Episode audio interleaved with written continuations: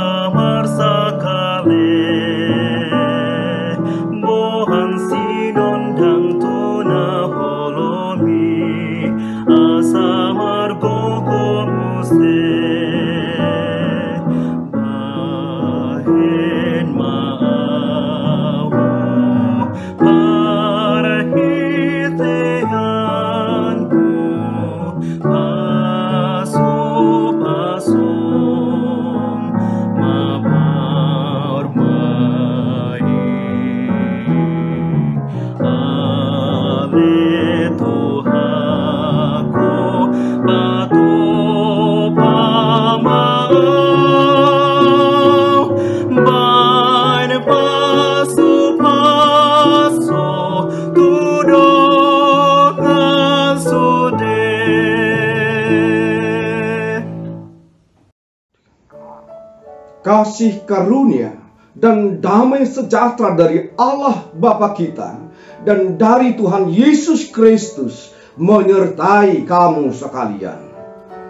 Amin. Shalom. Horas salim manta. Sangahon lima menit manangihon Tuhani.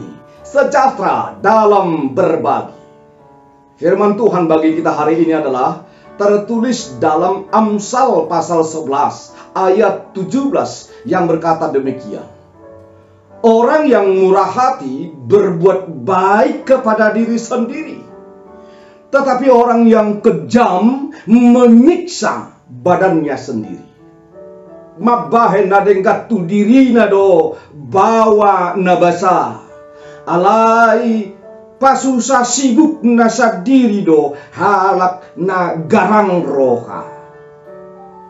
Saudaraku, di dalam khotbah di bukit yang disampaikan oleh Tuhan Yesus yang disebut dengan ucapan bahagia yaitu tertulis dalam Matius pasal 5 ayat 7 mengatakan berbahagialah orang yang murah hatinya karena mereka akan beroleh kemurahan. Mertua mana asiroha, sia-sia dodasi. Dari perkataan dan ucapan bahagia yang disampaikan oleh Tuhan Yesus tersebut, bahwa kemurahan hati yang dilakukan oleh seseorang tidak akan sia-sia, tetapi akan berbalas kemurahan hati juga pada setiap orang yang bermurah hati tersebut.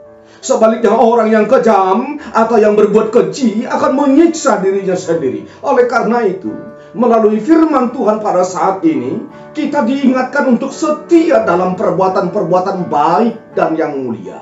Ingatlah Galatia pasal 6 ayat 9 dan ayat 10. Janganlah kita jamu-jamu berbuat baik, karena apabila sudah datang waktunya, kita akan menuai jika kita tidak menjadi lemah.